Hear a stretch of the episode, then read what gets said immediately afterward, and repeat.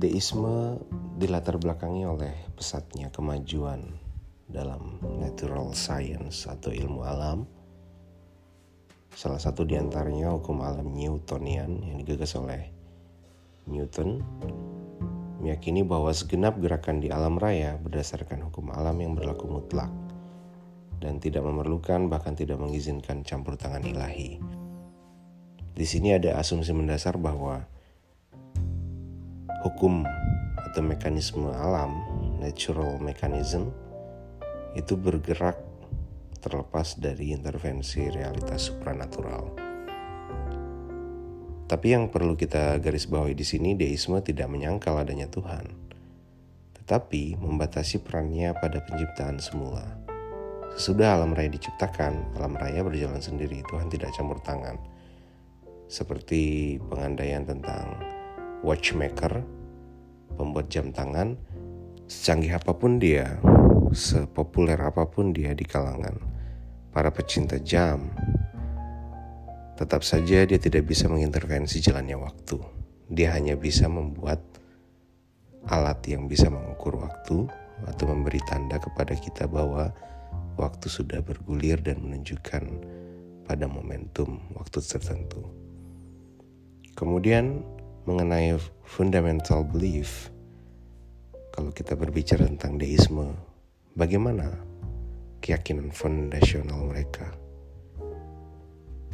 Deisme berkembang pesat di Inggris, Prancis, dan US sekitar abad 17. Pada abad 17, di US, di Inggris, Prancis, dan dataran Eropa lainnya, kemajuan teknologi dan revolusi industri sangat berpengaruh pada setiap aspek kehidupan manusia, di mana pengaruhnya bersifat multidimensional.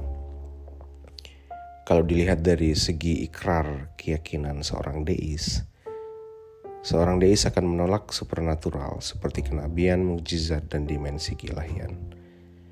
Deis yakin bahwa iman agama yang benar harus dibangun di atas rasionalitas manusia, dan observasi empiris atas dunia, sehingga skemanya tidak lagi iman kepada Tuhan mendahului rasionalisasi atau observasi empiris atas iman, sehingga rasionalitas observasi empiris bukan sebagai pengukuh iman, melainkan ia hadir sebagai prasyarat suatu kekokohan iman. Agar lebih jelas kita bisa membandingkan antara deis dengan teisme. Semisal perbandingan pertama, deisme tidak menolak eksistensi Tuhan. Dia yakin bahwa Tuhan itu ada dan sebagai supreme being.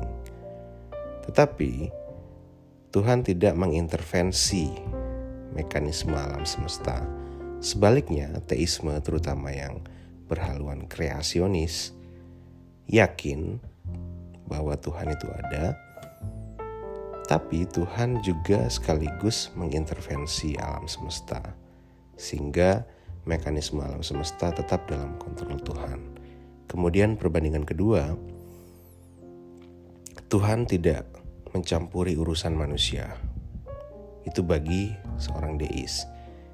Akan tetapi, bagi teis, Tuhan menciptakan manusia sekaligus juga mengurusi hubungan manusia atau human affairs.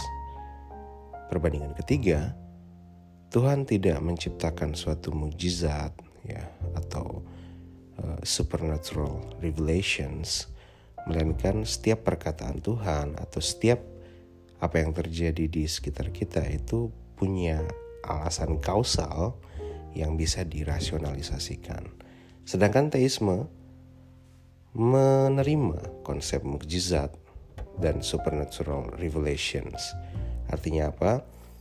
Ada hal yang misterium di balik ciptaan Tuhan dan Tuhan itu tidak bisa sepenuhnya dirasionalkan. Kemudian perbandingan terakhir, biasanya deisme menjadi alternatif masyarakat industrial modern di dalam menyikapi keyakinan beragama. Karena apa?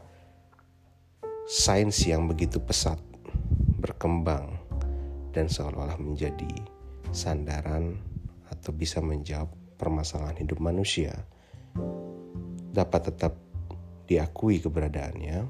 Jadi kita di satu sisi tetap menjadi saintis, dan di satu sisi kita sebagai orang yang beragama. Sikap deis itu bisa menjadi alternatif. Kemudian teis biasa menyikapi segala sesuatu dengan cara yang khas di mana segala sesuatu yang terjadi itu adalah skenario Tuhan. Meskipun akan banyak pandangan lain yang kemudian menjadi spektrum dari pandangan teisme yang di mana kalau kita tarik benang merahnya ada pada tegangan antara free will dengan kehendak Tuhan.